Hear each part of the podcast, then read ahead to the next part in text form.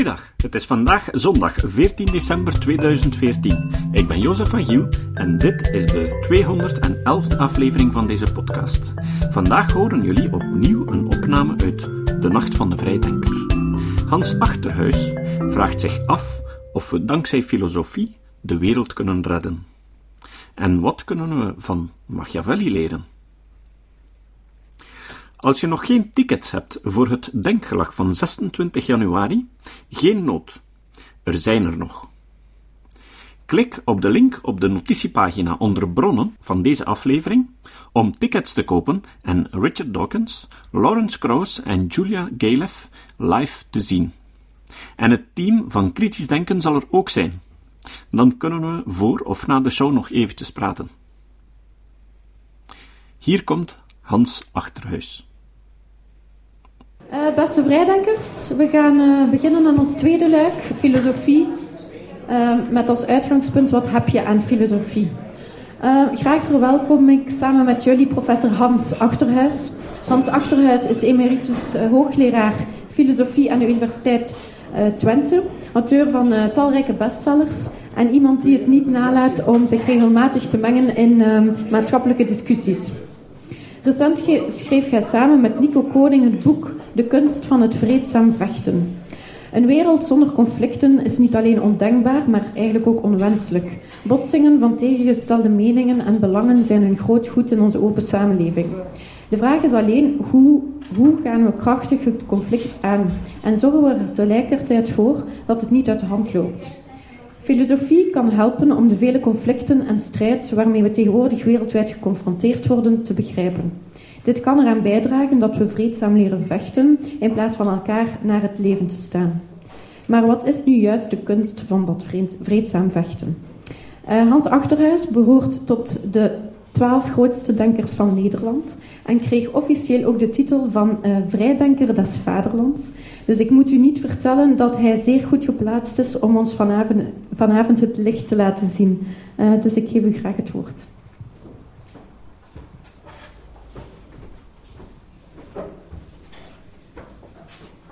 Dankjewel. Nou, het licht laten zien, dat pretendeerde ik vroeger toen ik theologie studeerde. Uh, probeer nu uh, uw dingen te laten begrijpen, denk ik. Maar het licht weet ik niet. De meeste dingen die ik ga zeggen zijn natuurlijk voor mijn eigen verantwoording, maar ze zijn ook deels ontstaan in gesprekken met uh, vriend en collega Nico Koning, met wie ik mijn laatste boek dus heb geschreven, De kunst van het vreedzaam vechten. Dus nogmaals, ik praat hier voor mezelf, maar we hebben zoveel met elkaar gediscussieerd de laatste vijf jaar, dat zijn stem ongetwijfeld ook meeklinkt. En wat ik vooral wil doen is, heb ik bedacht nu, luisterend eerst naar hier de discussie en toen naar Tineke Beekman. Ja, we hebben helemaal van tevoren niks afgesproken, maar op een bepaalde manier bouw ik voort volgens mij op dingen die gezegd zijn.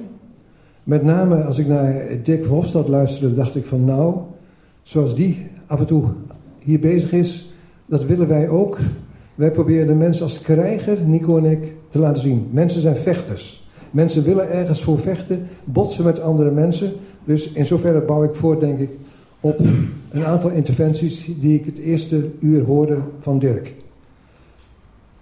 De lezing van Tineke Beekman over Spinoza, daar kwam Machiavelli naar voren.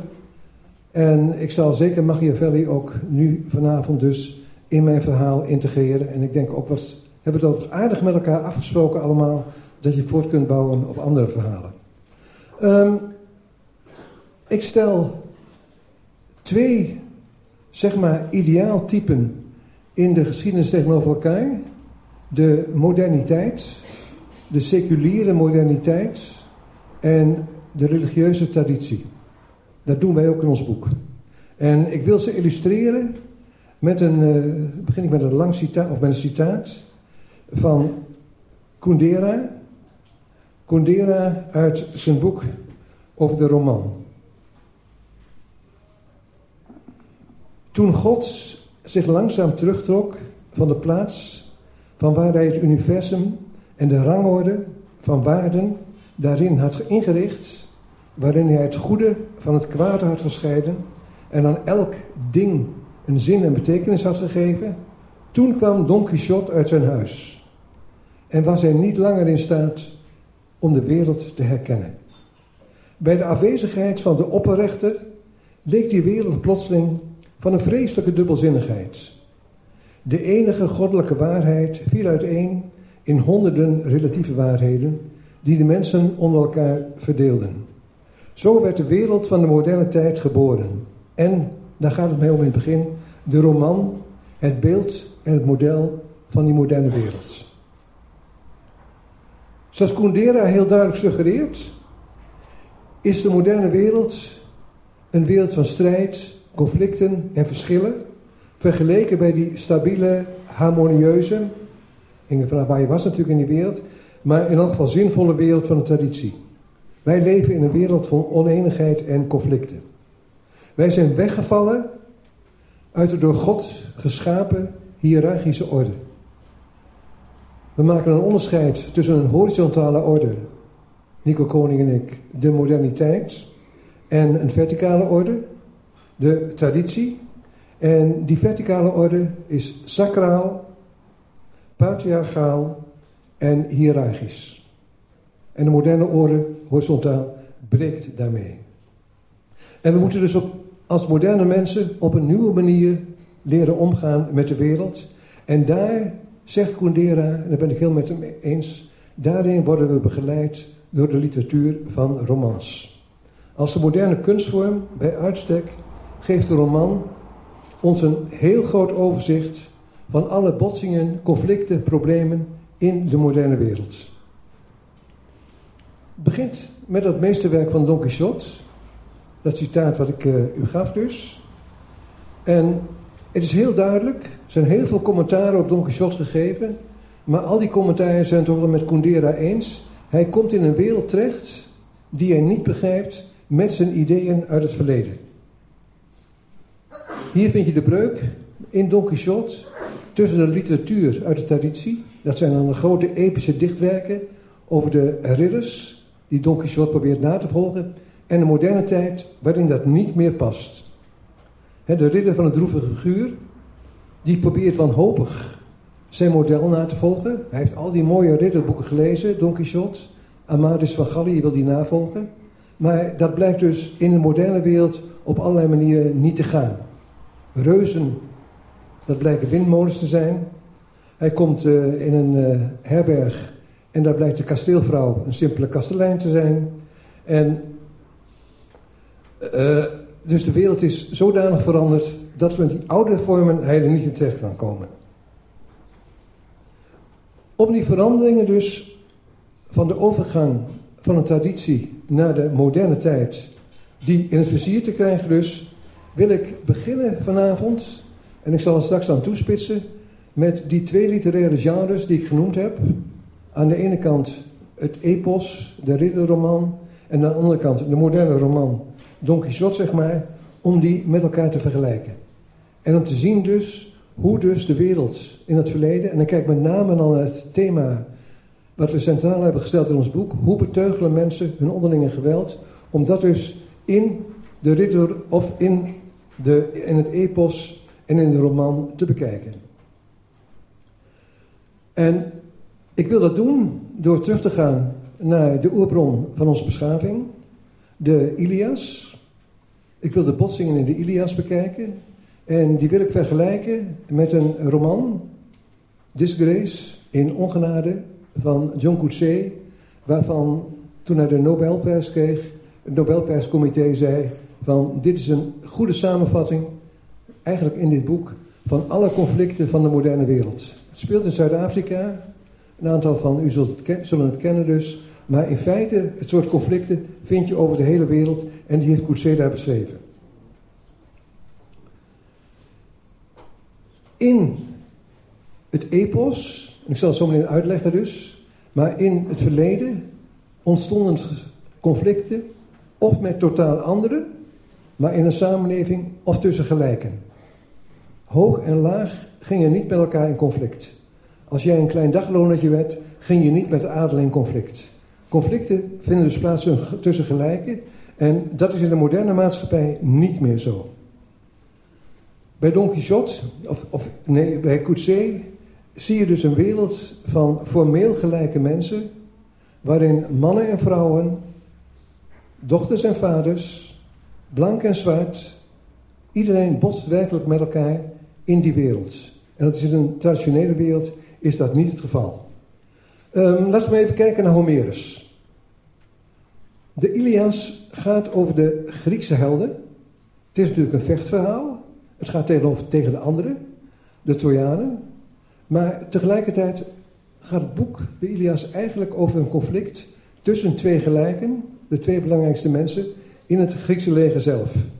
Agamemnon en Achilles. Daar draait alles om. En Homerus heeft totaal geen aandacht voor de duizenden Grieken die mee zijn gekomen, die daar sneuvelen. Die hebben niks te, in te brengen. Het gaat over de grote helden die met elkaar vechten. Dus één voorbeeld van een klein mannetje, gewoon een Griekse soldaat, die zijn mond open durft te doen tegenover de grote helden. En die wordt door Homerus genadeloos afgeserveerd. Het gebeurt in het tweede boek van de Ilias. Daar komt op een gegeven moment Thersites naar voren, gewoon een normale Griek. En er is gevraagd, zullen we niet vanuit deze zinloze oorlog naar huis gaan? En Thersites houdt voor een moderne lezer, dat vond ik tenminste, een betoog waarin hij laat zien van ja, eigenlijk uh, die oorlog levert niks op. Negen jaar lang zijn we geen moer opgeschoten, alleen maar veel mensen doodgaan. Laten we teruggaan naar Griekenland. Klinkt heel aannemelijk met een aantal goede argumenten. En, uh, en dan is het heel belangrijk om te kijken hoe Homerus Tacitus tekent. Hij was een man die een massa vulgaire woorden paraat had. Zomaar, brutaal, zonder fatsoen. Die met de koningen zelfs twist zocht. En die ook maar alles zei wat hij dacht dat het volk van de Achaeërs grappig zou vinden. De lelijkste man die naar Ilion meekwam. Kromstaande benen, kreupel aan een van zijn voeten, zijn schouders gebogen en die werden samengedrukt op zijn borstkas. Het hoofd liep toe in een punt en was schaars begroeid met krulhaar. Nou, zo iemand dus moet zijn mond houden, dat is heel duidelijk dus bij al die edele helden. En dat gebeurt ook dus. Tacitus houdt zijn verhaal, hij wordt even aangeluisterd en dan grijpt Odysseus in. En Odysseus zegt heel simpel, wat je vroeger, althans ik, van mijn ouders hoorde, luisteren, je mond houden. En dan zet ik je buiten. Afgelopen. Tacitus wordt door iedereen uitgelachen dus. Hij heeft gepraat, het wordt niet naar hem geluisterd, dus hij moet luisteren. En luisteren betekent gehoorzamen. Betekent niet luisteren wat de ander zegt. Gehoorzamen, doen wat de helden zeggen. Dus die brutale Tacitus, zegt Homerus, wordt afgeserveerd. En die doet niet mee in de strijd en de discussie. Behalve dat hij mag sneuvelen om dus Helena uit Troje terug te halen. Verder hoor je in de Ilias, als je dat vergelijkt dus met het boek van Coetzee, niets over discussies tussen hoog en laag, tussen mannen en vrouwen, tussen oud en jong. Nee, alle rangen en orden zijn netjes verdeeld. Ieder weet zijn of haar plaats, voor vrouwen in elk geval. En men gaat niet onderling met elkaar in discussie. Er is een totaal verschil dus met het boek van Coetzee. want in Coetzee zie je dus een professor, David Lurie. En David Lurie, die wordt door een studenten aangeklaagd die hij aangerand heeft. Zijn dochter Lucie weigert naar hem te luisteren, zet hem het huis uit. Dus de omgekeerde wereld zou je bijna zeggen dus. Uh, hij wordt gekleineerd door een zwarte man, Peters. Hij heeft niks te zeggen. Totaal verschillend dus met de wereld van Homerus, waarin een professor of een held alles te zeggen zou hebben. En dat boek in ongenade dus tekent iets, ik vind ook heel mooi, van de moderne mens de moderne wens leeft in een wereld met, van gelijken, gelijken die steeds met elkaar kunnen botsen en in conflict kunnen komen. En ik zeg het nu heel hard, waar de hiërarchische beschermingen uit het verleden, die dus conflicten voorkwamen dus, zijn bij ons, althans formeel weggevallen dus. En dan komt de voorspelling van Thomas Hobbes een beetje uit. De moderniteit zou je kunnen beschrijven als een oorlog van allen tegen allen. Hobbes is de grote filosoof van de gelijkheid. Dan denken we allemaal, wat mooi gelijkheid. Nou, Hobbes zegt, het eerste wat je van gelijkheid kunt, horen, kunt leren is dat het leidt tot een oorlog van allen tegen allen. Al die gelijken willen met elkaar vechten. En dat moet je voorkomen. En dat probeer ik in elk geval te begrijpen. Hoe wij als modernen er toch in geslaagd zijn dus om die oorlog van allen tegen allen, op een redelijk vreedzame manier te laten verlopen. Nogmaals dus, in de Ilias is dit soort gelijkheid totaal afwezig dus. Voorbeeld. Mannen en vrouwen komen niet met elkaar in contact. Vrouwen hebben hun eigen plaatsen, waar ze inderdaad de vrouwen van de helden toezien op het werk van de slavinnen. Uh, maar ze komen niet in de mannelijke wereld. En als ze daar komen dus, hebben ze hun mond te houden.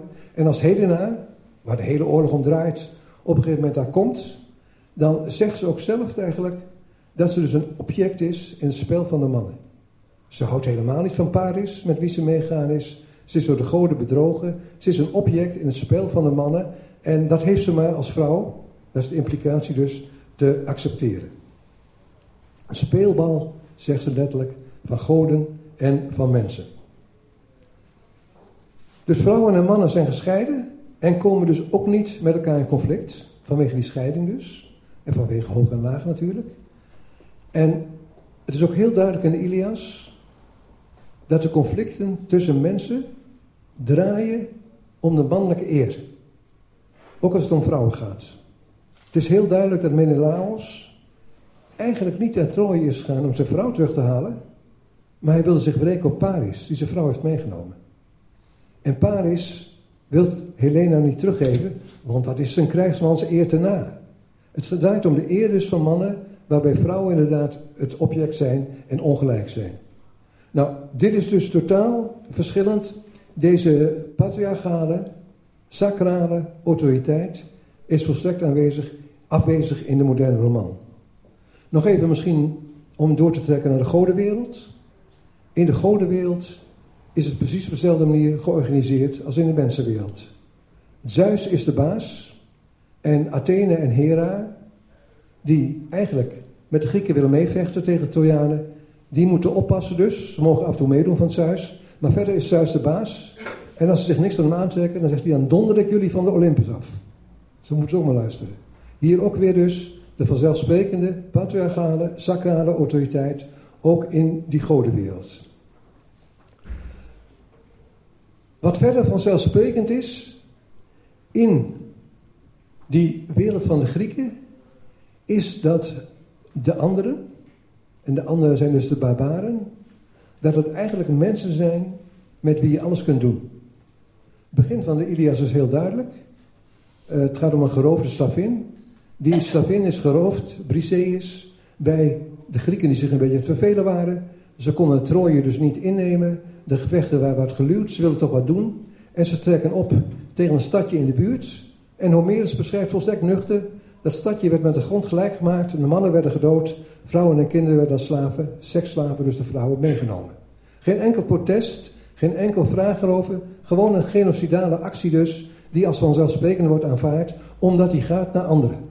Onderling zijn er bepaalde eer die men heeft in de oorlog. Maar naar anderen toe geldt dat dus totaal niet. Genocide zou je dus kunnen zeggen als een soort vanzelfsprekendheid. Nou is het gekke dat er dus conflicten zijn met de anderen. En soms tussen gelijken, bij de Grieken zelf dus. En dat er dus heel veel doden vallen. En dat je dus kijkt naar het boek van Coetzee, nogmaals volgens de Nobelprijscomité, echt een weergave van het conflict van de moderniteit. En het is een vreselijk boek. Met een aantal vreselijke dingen. Maar het is belangrijk, er gaat niemand dood. Je hebt het boek gelezen over moderne conflicten. Op alle manieren zijn die aanwezig dus. Maar er gaat niemand dood. Vindt een vreselijke verkrachting plaats. Ehm, maar ook daar weet Lucie in elk geval toch een soort betekenis aan te geven om door te gaan. En dat is denk ik het grote verschil tussen traditie en moderniteit. Wij kennen als moderne mensen veel meer conflicten op allerlei niveaus. Het doet vaak ontzettend veel pijn. Maar we zijn er op een bepaalde manier in geslaagd om die conflicten redelijk, althans hier in het Westen, onderling te laten verlopen. Wat dus vroeger niet het geval was. die duizenden doden die Homerus beschrijft, eh, die vinden niet plaats in elk geval hier in onze conflicten. Waar ik dus vanuit ga hierbij, dat moet ik even heel duidelijk zeggen, is van een aantal vrij harde gegevens. Onder andere het laatste boek van Steven Pinker, The Better Angels of Our Nature. waarin Steven Pinker laat zien, helemaal tegen onze intuïties in misschien, dat het geweld in de moderne samenleving voortdurend afneemt.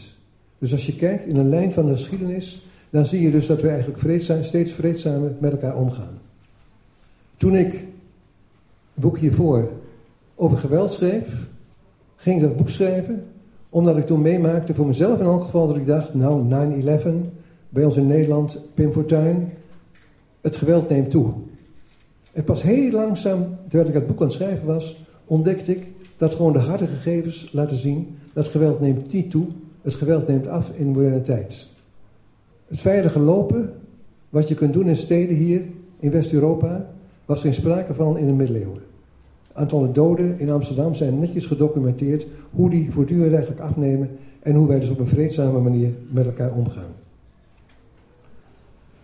Minder gewelddadigheid dus en meer in elk geval, maar wel meer botsingen. En nogmaals, die botsingen die doen pijn dus en die kunnen we misschien vreedzaam mee omgaan. Maar ik ontken dus niet dat die op allerlei manieren ons heel erg raken.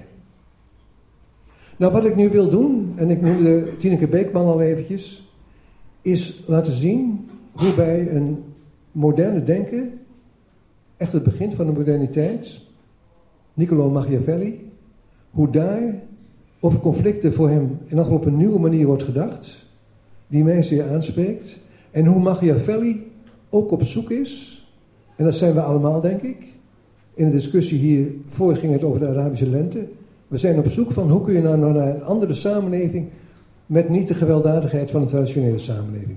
Ook Machiavelli was daarnaar op zoek. En Machiavelli is eigenlijk de eerste denker die conflicten op een positieve manier opvat. En dat doet hij vooral in de discussie.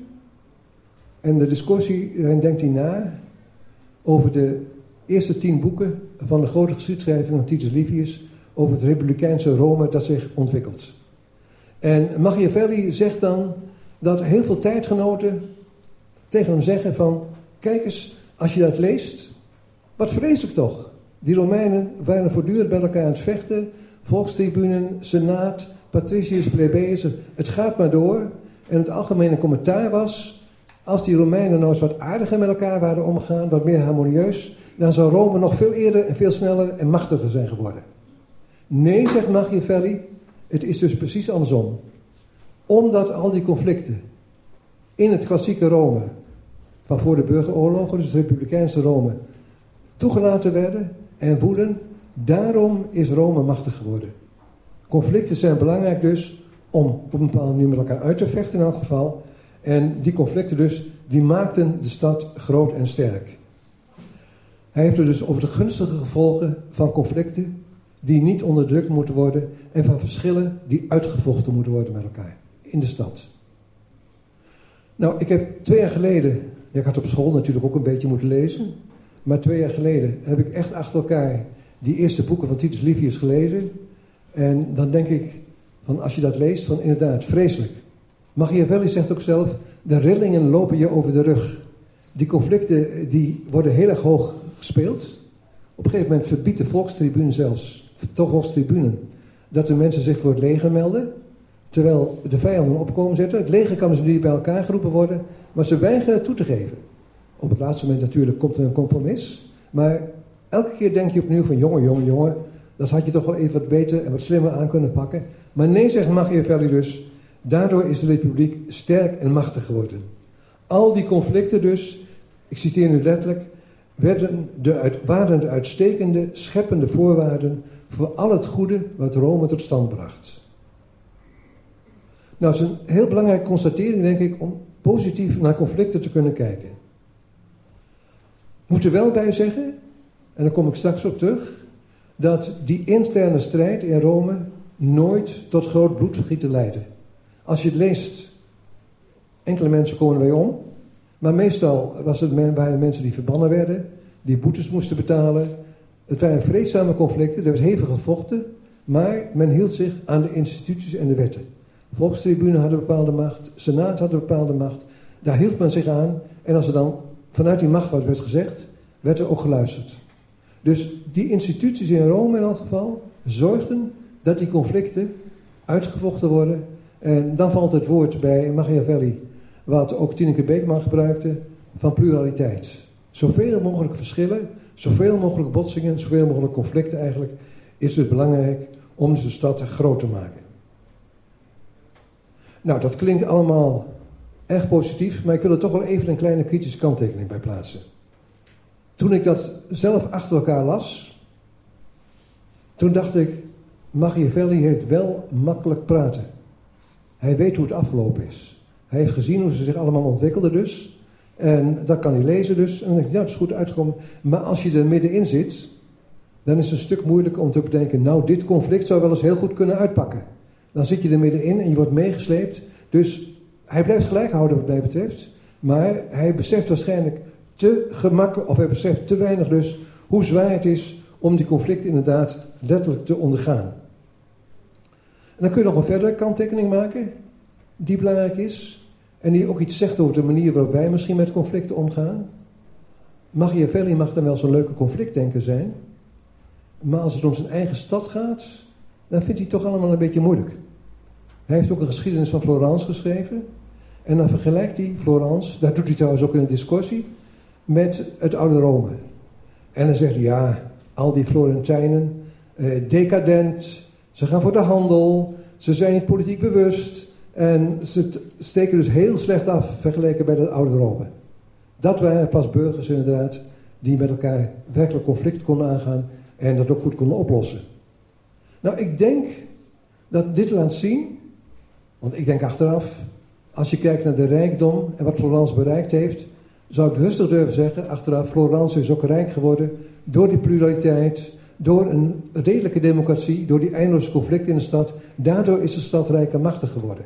Maar nogmaals, als je er middenin in zit, is dat gemakkelijk praten.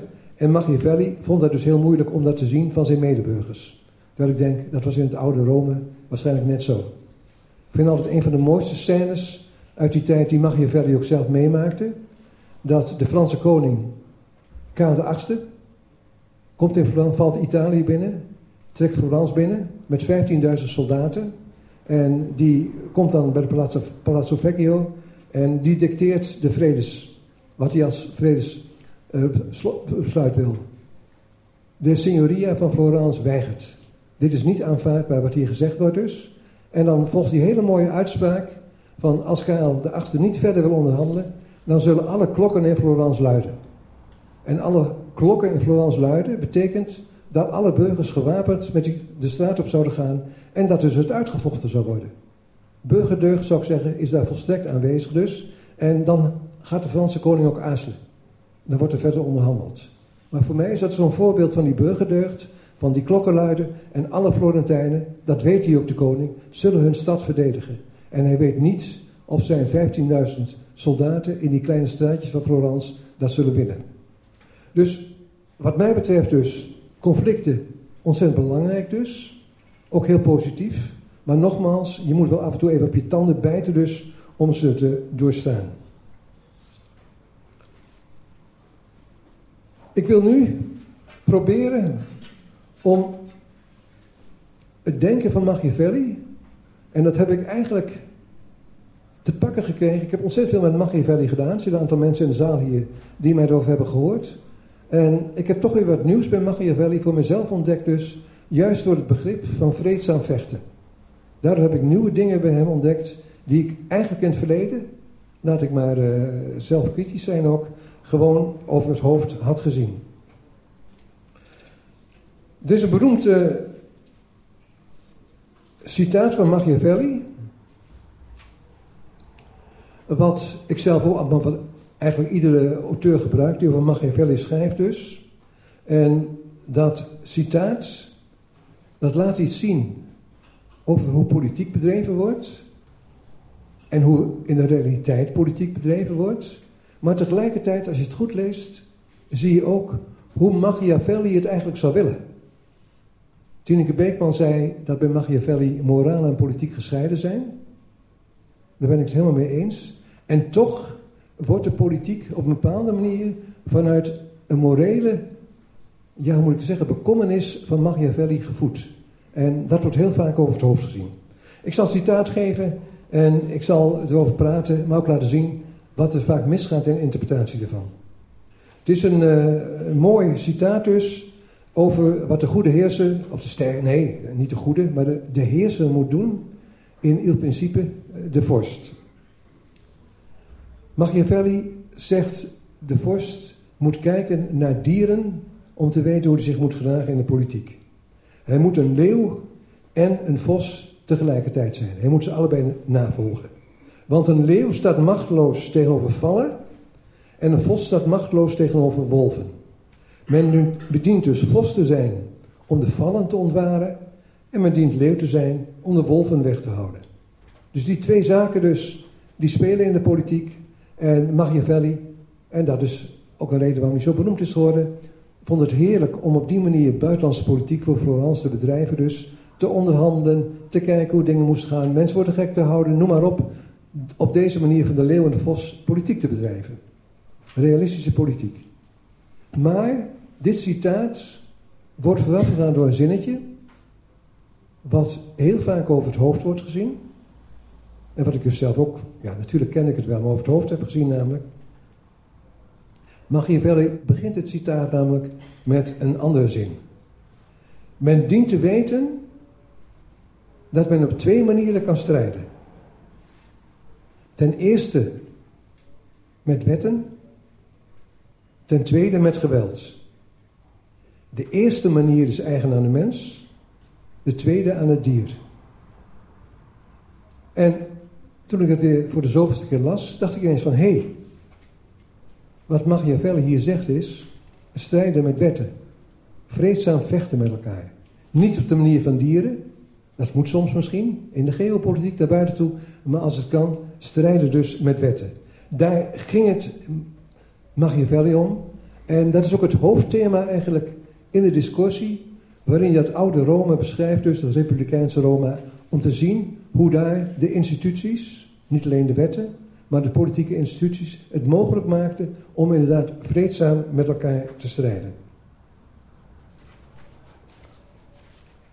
Machiavelli denkt erover na, zowel dus in de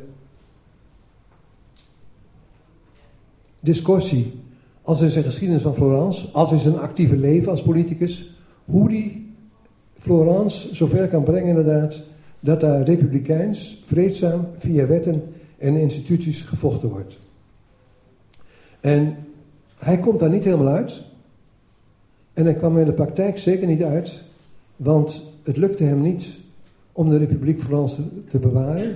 Aan de ene kant kwamen de medici terug, aan de andere kant kwamen de legers van de nieuw opkomende nazistaten Frankrijk en Spanje, die Italië binnenvielen, waar Florence niet kon, tegen kon verdedigen, ondanks het feit dat Machiavelli probeerde een eigen leger van Florence, geen huurlingen dus, maar gewoon een burgerleger op te richten. Het was niet voldoende om dus in elk geval in Florence te bereiken wat hij wilde. Maar hij wilde er in dacht over na. En de moeilijkheid om te gaan naar een situatie waarin mensen inderdaad strijden met wetten. En ook met andere, via andere instituties.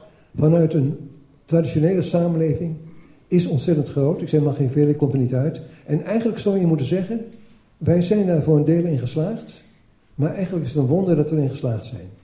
Als je kijkt hoe vaak in de geschiedenis opstanden, revoluties mislukt zijn, hoe die weer opnieuw steeds weer eenzelfde soort bewind, nou ja, de Arabische lente is een voorbeeld, wat genoemd werd in de discussie, oproepen, dan is het een wonder dat wij, maar nogmaals, met heel veel vallen en opstaan in de geschiedenis, langzaam dit bereikt hebben. Nou even over Machiavelli en zijn worsteling met deze situatie, die ook iets zegt over de manier waarop wij in de moderne tijd, in de hele wereldsituatie, misschien daarmee worstelen. In het boek van Nico en mij heb ik voortdurend de vergelijking getrokken tussen Machiavelli en Fukuyama.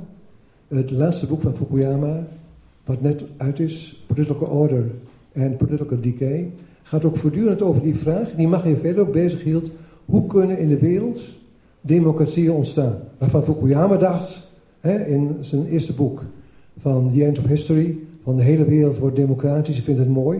Nou, dat blijkt bitter tegen te vallen. Dus eigenlijk is de rest van zijn werk tot nu toe een soort nadenken over hoe zou dat wel kunnen dus, als je dat nog steeds met Machiavelli een belangrijk ideaal vindt.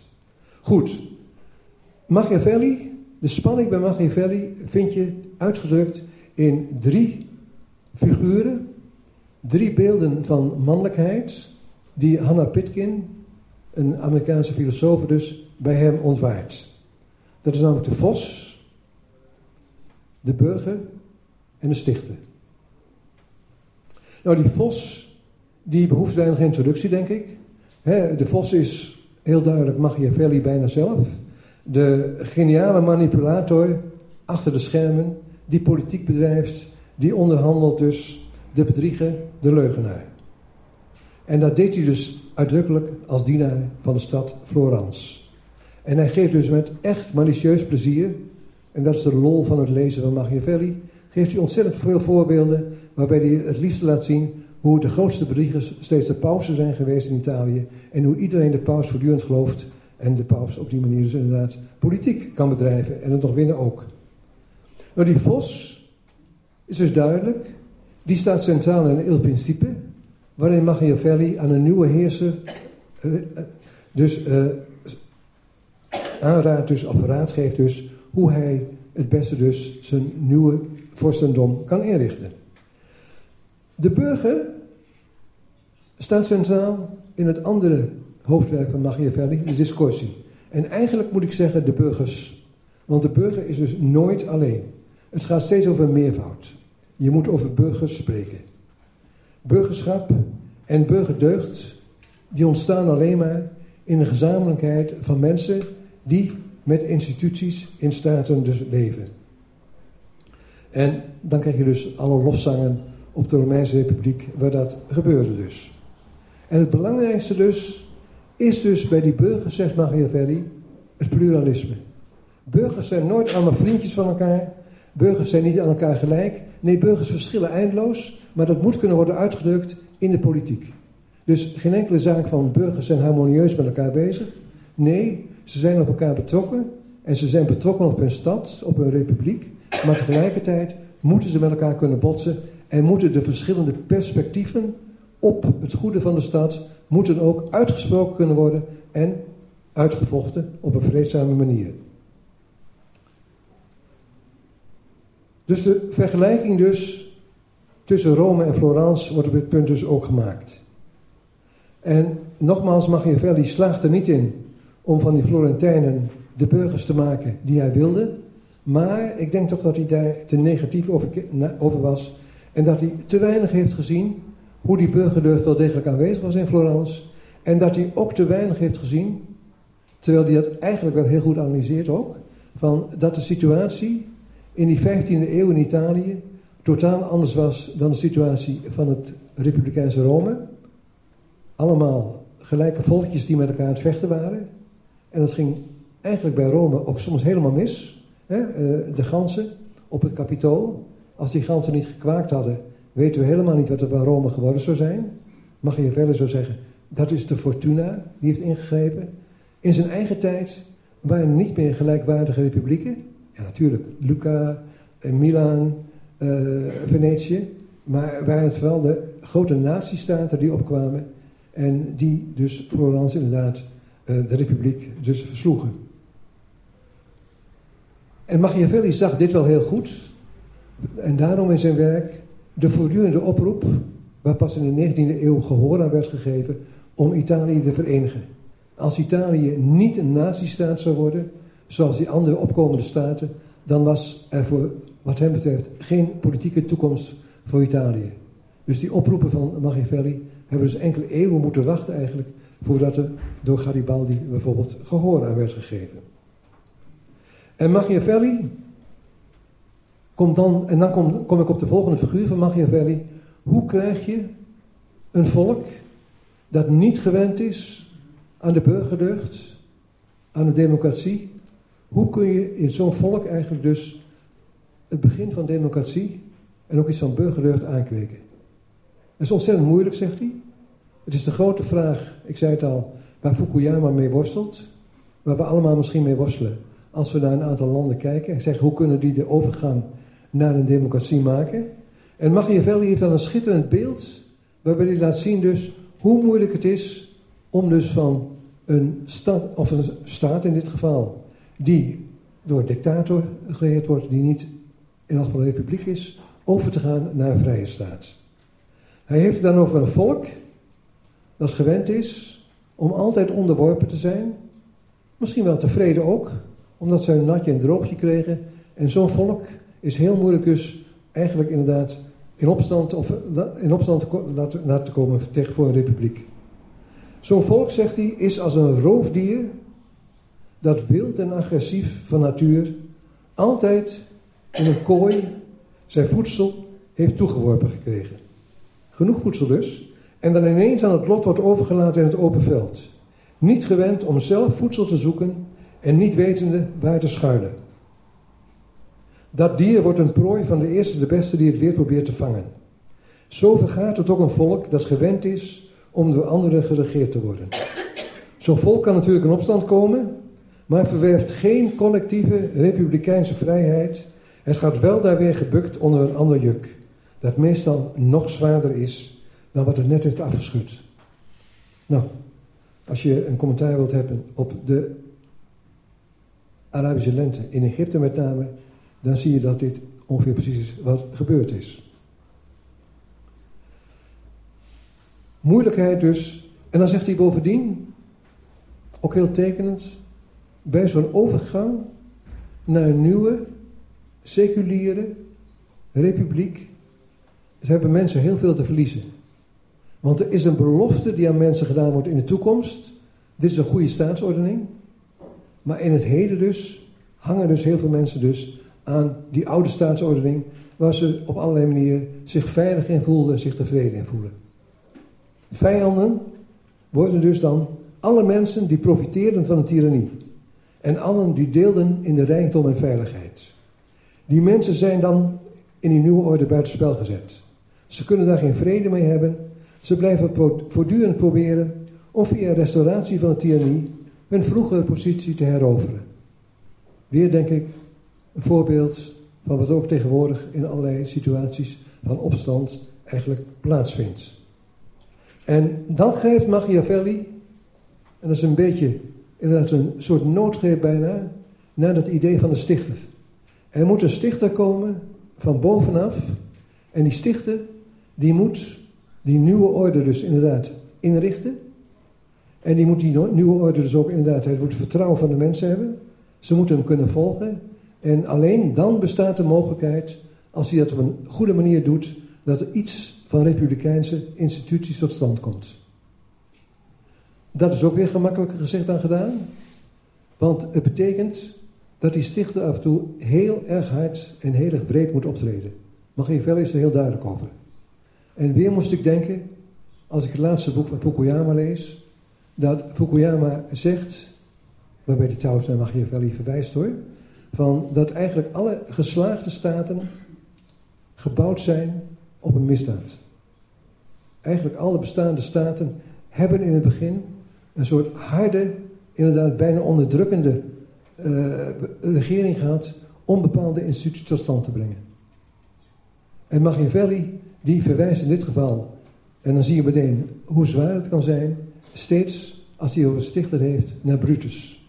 Brutus, die de Romeinse koning, koningen, de laatste koning Tarquinius, doodde en die republiek vestigde.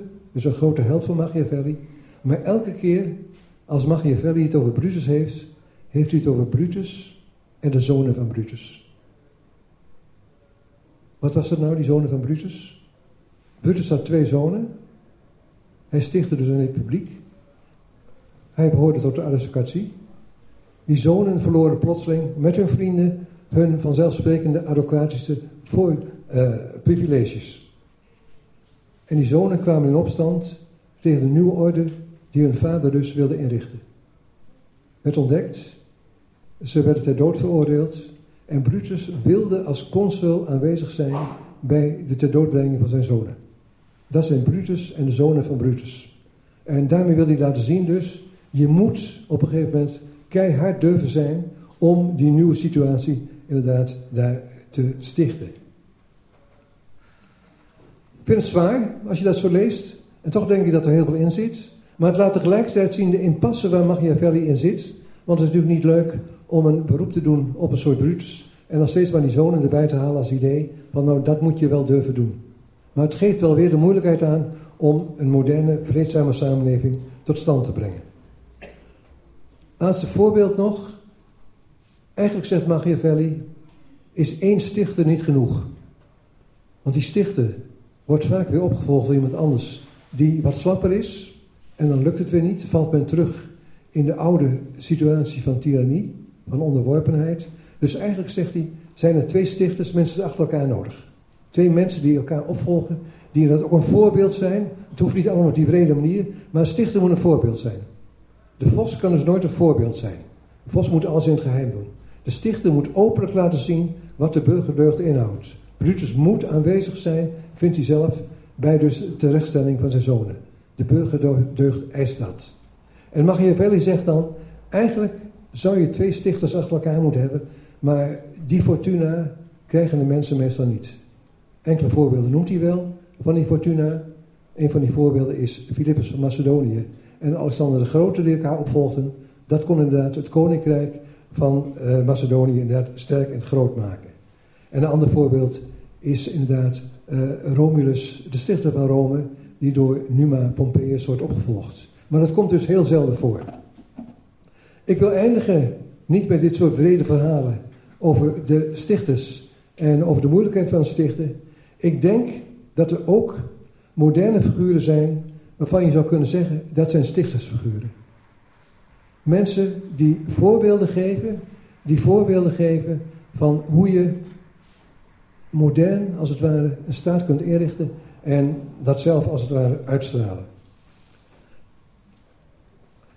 Voorbeeld van de vredesbeweging uit Nederland, uh, Pax Christi. Pax Christi uh, heeft het idee gelanceerd van helden, nieuwe helden, ook deels uh, helden van de terugtocht.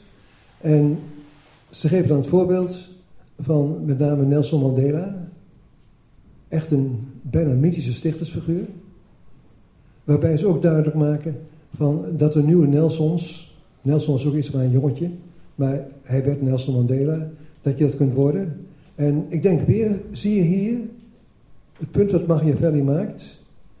Als je nu kijkt naar Jacob Zuma, die met een ertussen Mandela heeft opgevolgd, zou je zeggen, we hadden minstens twee jonge Mandela's nodig voor Zuid-Afrika. Het is te weinig geweest een oude man die model en held kon zijn. Maar er wordt op dit moment vanuit de vredesbeweging op allerlei manieren gewerkt aan wat men dus inderdaad noemt, niet stichters dus alle Machiavelli, maar wel nieuwe helden. En dat is niet een direct ingrijpen in situaties, dat is heel moeilijk, maar bijna preventief opleiden, mensen bewust maken van inderdaad hun mogelijkheden. Ik ken een voorbeeld van een project uit Irak. Komt totaal niet in de krant, maar dat is volgens mij wel een belangrijk project. Waar bij vrouwen inderdaad leren zichzelf via onderwijs voor zichzelf op te komen. En inderdaad ook met politici dan in discussie gaan en duidelijk maken dus waar ze staan. Dat soort projecten, denk ik, kunnen helpen dus om die stap te maken naar een moderne seculiere samenleving. Ik kijk even op uh, het horloge of ik. Um, nee, ik denk inderdaad dat ik niet nog in discussie ga met de vorige mensen, omdat ik dat seculiere eigenlijk wil laten zien. Maar daar kunnen we misschien discussies omheen doen, verder. Ik denk dat het seculiere, waar we het vanavond over hebben, het vrijdenken, dat het toch niet losgezien kan worden van een lange religieuze geschiedenis.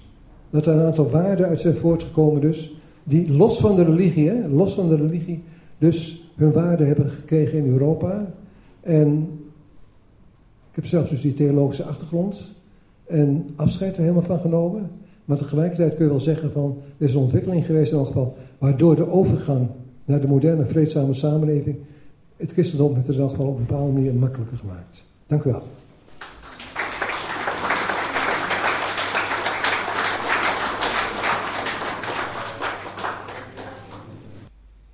Het citaat. Het citaat van vandaag is van Denis Diderot.